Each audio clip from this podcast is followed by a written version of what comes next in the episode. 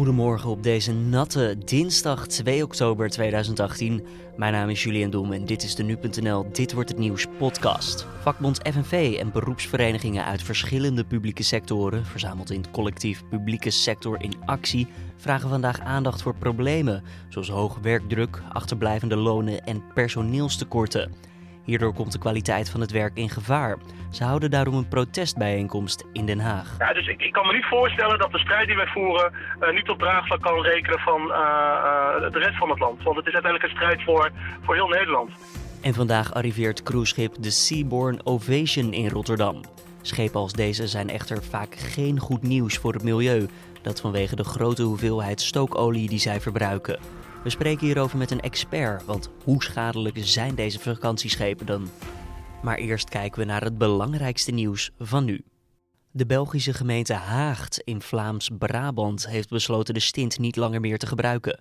Dat na verbod in Nederland vanwege een ongeval in Os twee weken geleden. De Belgische gemeente laat weten dat het verbod geldt tot het onderzoek in Nederland is afgerond en de bevoegde Vlaamse minister een duidelijk standpunt over de zaak heeft ingenomen. Nederland gaat een aantal witte helmen en hun directe familieleden uit Syrië opnemen. Het gaat om 27 mensen van de Syrische hulpverleningsorganisatie. Buitenlandse Zaken wil vanwege hun privacy niet zeggen wanneer de groep naar Nederland komt. De Syrische hulpverleners werden in juli geëvacueerd uit het zuidwesten van Syrië. Het AD meldt dat Nederlandse commando's zich grote zorgen maken over de kogelwerende helmen en scherfvesten waarmee ze op pad worden gestuurd. De vesten zijn ver over de houdbaarheidsdatum en de helmen zouden aanvoelen als karton. Ook zouden deze makkelijk buigzaam zijn. De problemen zijn in 2016 al aangekaart, maar tot op heden is er niets met die klacht gedaan.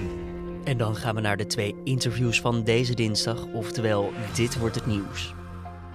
Vakbond FNV en beroepsverenigingen uit verschillende publieke sectoren, verzameld onder de naam Publieke Sector in Actie, organiseren vandaag een protestbijeenkomst in Den Haag. Dat gebeurt om 6 uur vanavond. De organisaties vragen aandacht voor de problemen waarmee de publieke sector momenteel te kampen heeft en die de kwaliteit in deze sectoren in gevaar brengen. Hoge werkdruk, achterblijvende lonen en het toenemende personeelstekorten. Wat staat er te gebeuren vandaag in Den Haag? Dat was de vraag die Carne van der Brink aan FNV-bestuurslid Zakaria Boufagatia stelde. Nou, vandaag komen uh, werkenden in de publieke sector, hè, agenten, uh, mensen die uh, voor het Rijk werken, mensen die in de zorg werken, militairen. die komen bijeen om actie te voeren tegen het afschaffen van de dividendbelasting. de 2 miljard per jaar die als een cadeautje wordt uitgedeeld aan de buitenlandse aandeelhouders. Dat vinden wij een, een fout signaal. Juist uh, uh, in deze tijd dat er veel meer geld nodig is voor de publieke sector. En daarom komen mensen in, uh, in actie om daar op dat signaal ook af te geven naar het kabinet dat het ons menens is. Ja, want jullie roepen werknemers uit de zorg, het onderwijs, politie, defensie en iedereen die zich solidair voelt om naar Den Haag te komen. maar Voelt het niet een beetje gek? Jullie zijn de laatste tijd best wel veel in het nieuws geweest. Zeker deze sectoren. Uh, defensie, uh, uh, de zorg, onderwijs, ik zeg het al, de politie. Die dan hebben gestaakt. Die extra geld hebben gekregen of een betere CO. Ja, komt het dan niet gek om dan nog een keer in opstand te komen? Um, nee, dat is niet gek. En dat heeft vooral te maken met dat als het gaat over uh, de maatregelen om de dividendbelasting af te schaffen, uh, de 2 miljard cadeautje per jaar aan uh, buitenlandse aandeelhouders, dat dat eigenlijk tekend is voor het klimaat van de huidige tijd. dat klaarblijkelijk de belangen van multinationals veel belangrijker is dan de belangen van werkend Nederland. En ja, er is heel veel actie gevoerd, er zijn ook successen mee geboekt, daar zijn we trots op. Maar er is nog bij lange na niet voldoende. Er moeten nog veel meer agenten op straat, er moet veel meer geld geld naar onze onderwijzers. Uh, als je kijkt naar wat er in de zorg uh, gebeurt, uh, is het nog te mager als het gaat over in hoeverre de, de, het kabinet bereid is om echt te investeren in meer vaste banen, in meer handen aan het bed. Uh, en het is ook een, een, een bredere maatschappelijke verontwaardiging. Hè. Vandaag komen de publieke sectoren in actie. We gaan verder opschalen en opbouwen. Op 10 november gaan wij uh, uh, verder actie voeren, dan, breder dan alleen de publieke sectoren. Ja, om juist de onvrede die heel erg heerst en het gevoel van tot hier en niet verder, verder manifest te maken. Totdat het kabinet echt weer voor de mensen gaat zijn in plaats van voor de multinationals. Ja, want dat is het moment dat jullie zeggen, dit is genoeg. Kijk, dat, dat, dat is eigenlijk ook, als je ziet naar de afgelopen jaren, dat, dat de bijdrage aan onze politieke stelsel, hè, de, de, mate waarin grote bedrijven belasting betalen, dat is alleen maar afgenomen. en met de, de, nieuwe race naar beneden in hoe kunnen we de buitenlandse aandeelhouders verder nog paaien uh, gaat bijna naar uh, nul uh, als het aan het kabinet ligt. Want nu is het Nederland en de volgende keer zijn er weer andere landen die de dividendbelasting verder gaan afschaffen en besparen op, op, op, op de belasting van multinationals. Terwijl tegelijkertijd de afgelopen decennia aantoonbaar er meer belasting is betaald door werkenden.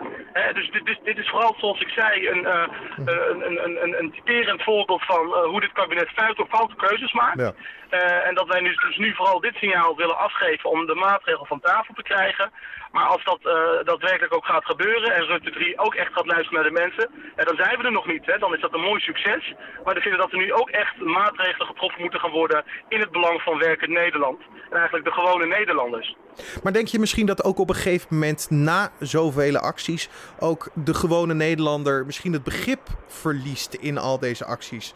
Doordat het zoveel is en dat het ook steeds meer mensen misschien gaat raken? Ik kan me dat niet voorstellen, want dit, dit de strijd die we voeren gaat over de gewone Nederland. Dit gaat over de 9 miljoen werkenden, want daar hebben we het over 9 miljoen werkenden die toch op een of andere manier voor een groot deel niet meedelen in de economische groei. Die toch voor een groot deel het vertrouwen hebben verloren in de politiek. En vinden dat terwijl uh, uh, de winsten toenemen, terwijl iedereen om zich heen merkt dat het goed gaat, toch op een of andere manier uh, dat iets verder uh, zelf terugziet in, in zijn eigen portemonnee, in de werkbeleving. Uh, dus dit gaat juist over de gewone Nederlander die aangeeft van werkende, de mensen moeten gewoon centraal worden gesteld.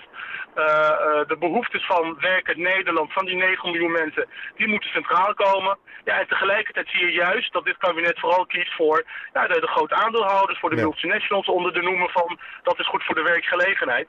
Ja, dus ik, ik, ik, ik, ik kan me niet voorstellen dat de strijd die wij voeren uh, niet op draagvlak kan rekenen van uh, uh, de rest van het land. Want het is uiteindelijk een strijd voor, voor heel Nederland. Um, kan je nog kort beschrijven wat de vervolgstap zal zijn na deze bijeenkomst? de komende periode gaan we verder het land in met het ophalen van handtekeningen tegen afschaffing dividend.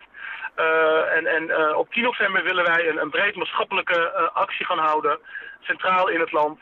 Uh, dus niet alleen voor de publieke sectoren, maar breder. Dus voor alle maatschappelijke bewegingen en politieke partijen. Die ook vinden, net als de vakbeweging, dat uh, het afschaffen van die 2, uh, die, dat 2 miljard aan cadeautjes naar multinationals teruggedraaid moet gaan worden.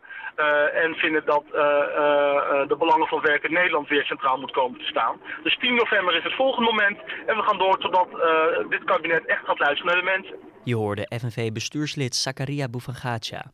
Vandaag arriveert cruiseschip de Seabourn Ovation in Rotterdam. Het schip is 198 meter lang en kan 600 passagiers en 400 bemanningsleden aan boord hebben. Om het schip te laten varen wordt er veel stookolie gebruikt. Een brandstof die nou niet echt bekend staat om zijn positieve effecten op het milieu.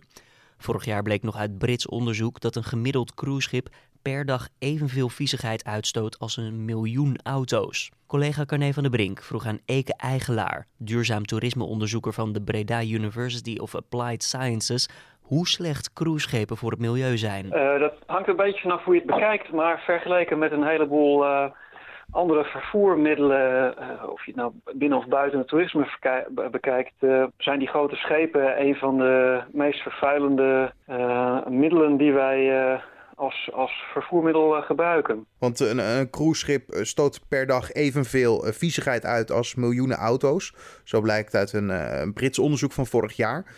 Wat stoot een cruiseschip dan allemaal uit? Nou, tot voor kort um, voeren ze op hele vieze uh, brandstof, heavy fuel oil. Dat is een beetje de, het, het, dikste spul wat onder in die grote raffinaderijen zit. En daar uh, gekoppeld is een hele hoge uitstoot van zwavel en stikstof en fijnstof. En dat in, in zulke hoge concentraties dat het ja, bijna niet meer te vergelijken valt met, met onze dagelijkse vervoermiddelen als de auto. En daarnaast ook, ook nog eens een, een, een flinke portie CO2. Dus bij de eerste gassen heb ik het over luchtvervuiling en bij CO2 heb je het dan over de bijdrage aan klimaatverandering. Weet u van heel veel schepen op dit moment wat ze uitstoten? Of is dat ook nog eens een keer een geheim? Nee, we weten het niet precies. Um, omdat de informatie die uh, rederijen of, of, of de, de, de, de werften de bouwers van de schepen vrijgeven heel beperkt is. Dus je hebt een, je hebt een, een flink aantal onderzoekers wereldwijd die, ja, die eigenlijk rekensommetjes loslaten om te proberen uit te vinden wat de precieze uitstoot is. Maar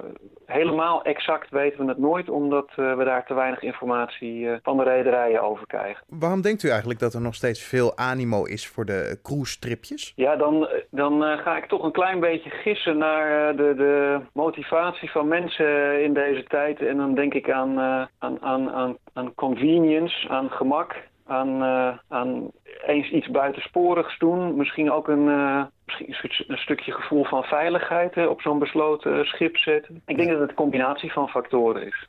Um, we beschrijven nu de, de, wat ze uitstoten en hoe milieuontvriendelijk ze dan wel kunnen zijn.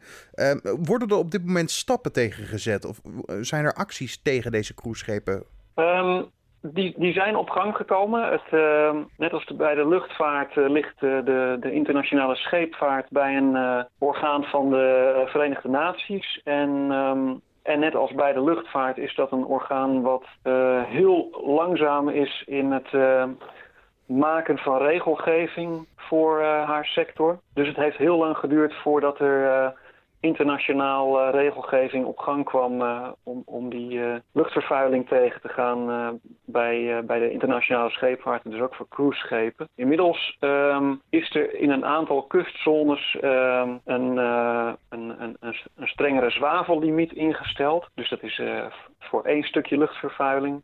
dat komt in 2020 wordt dat toegepast op alle wereldwijde wateren. Maar dan moet je wel denken aan een norm die nog steeds vele malen hoger ligt dan, dan voor auto's bijvoorbeeld. En er wordt gewerkt aan een norm voor stikstof en ja, voor, voor fijnstof en CO2. Daar bestaat eigenlijk nog niets voor. Hoe, hoe ziet u de toekomst in voor de cruiseschepen? Denkt u dat het steeds minder zal worden in de loop der jaren? Of denkt u dat het eigenlijk ja, gewoon hetzelfde blijft? Ja, het is een beetje koffiedik kijken. Um, uh, wat, wat een beetje ligt aan dat, aan dat euvel dat, um, dat die internationale scheepvaart uh, buiten alle conventies valt. Het valt bijvoorbeeld ook buiten dat uh, klimaatverdrag van Parijs. Als het daarin zou zitten, dan, dan zouden uh, landen of uh, landen waar de rederijen toe behoren, zouden automatisch meer actie moeten gaan nemen. Omdat die, die uitstoot dan binnen hun nationale plaatje valt. Maar ja. nu valt het le bijna letterlijk tussen wal en schip. Ja. Um, dus ik denk dat het nog wel even doorgaat. Er is wel een trend gaande dat de nieuwste schepen... Uh, ja, daar wordt natuurlijk wel flink gewerkt aan, uh, aan efficiëntie. Want het is ook een kostenpost uh, voor rederijen. dus, dus het gaat langzaam beter. Maar ja, de, de, de, de aantallen, de luxe die aangeboden wordt... De, die zal altijd een, een, een heleboel energie vragen. Dus het, blijft een, het, het zal altijd een vervuilende vorm van van vakantievieren blijven. Ja, die, die, die misschien iets, iets schoner gaat worden, maar uh, de, nieuwste schepen die gaan op, uh, op een soort vloeibare vorm van gas uh, varen, waarbij de luchtvervuiling miniem wordt, maar het CO2-probleem blijft. Dus ja, er zitten altijd haken en ogen aan. Je hoorde Eke Eigelaar, duurzaam toerismeonderzoeker van Breda University of Applied Sciences. Het boek Full Disclosure van pornoactrice Stephanie Clifford, beter bekend onder haar artiestennaam Stormy Daniels, komt uit in de Verenigde Staten. In het boek beschrijft Clifford de seksuele affaire die zij naar eigen zeggen had met de Amerikaanse president Donald Trump. Destijds zat hij nog wel in de racewoordpositie en was hij nog geen president. Trump ontkent in alle toonaarden ooit intiem te zijn geweest met de pornoactrice, maar hij heeft wel toegegeven dat haar zwijgeld is betaald. En dan het weer voor deze dinsdag 2 oktober. Als je naar buiten kijkt, dan zie je het wellicht al. De dag begint namelijk bewolkt. Er valt af en toe wat motregen. In de middag wordt het in het westen en noorden overwegend droog en laat de zon zich daar ook af en toe zien. De middagtemperatuur ligt rond de 15 graden en dat gaat gepaard met een matige zuidwestenwind in het binnenland die krachtig kan zijn aan de kust. En voor we bij het einde zijn van de Dit Wordt Het Nieuws podcast nog even nieuws over cabaretier Jochem Meijer. Hij heeft namelijk de Polifinario 2018 gewonnen. De cabaretprijs voor het meest indrukwekkende programma van het seizoen. Meijer won de prijs voor zijn show Adem in en Adem uit. De jury noemde de show van Meijer technisch zeer hoogstaand en tot in de puntjes doordacht en uitgevoerd. Nederlands Hoop, de prijs voor veelbelovende theatermakers, ging naar Rundfunk. Rundfunk is een verademing, al dus de jury, met cabaret dat grenzen oprekt en er prettig ver omheen gaat. dit was dan de Dit Wordt Het Nieuws podcast van deze dinsdag 2 oktober. U vindt de podcast maandag tot en met vrijdag om 6 uur ochtends op nu.nl. En wat vond je van de uitzending? Laat het ons tijdens een kop koffie even weten via podcast.nu.nl of laat een reactie achter in een van je favoriete podcast apps. Mijn naam is Julian Dom en voor nu een goede dinsdag en tot morgen.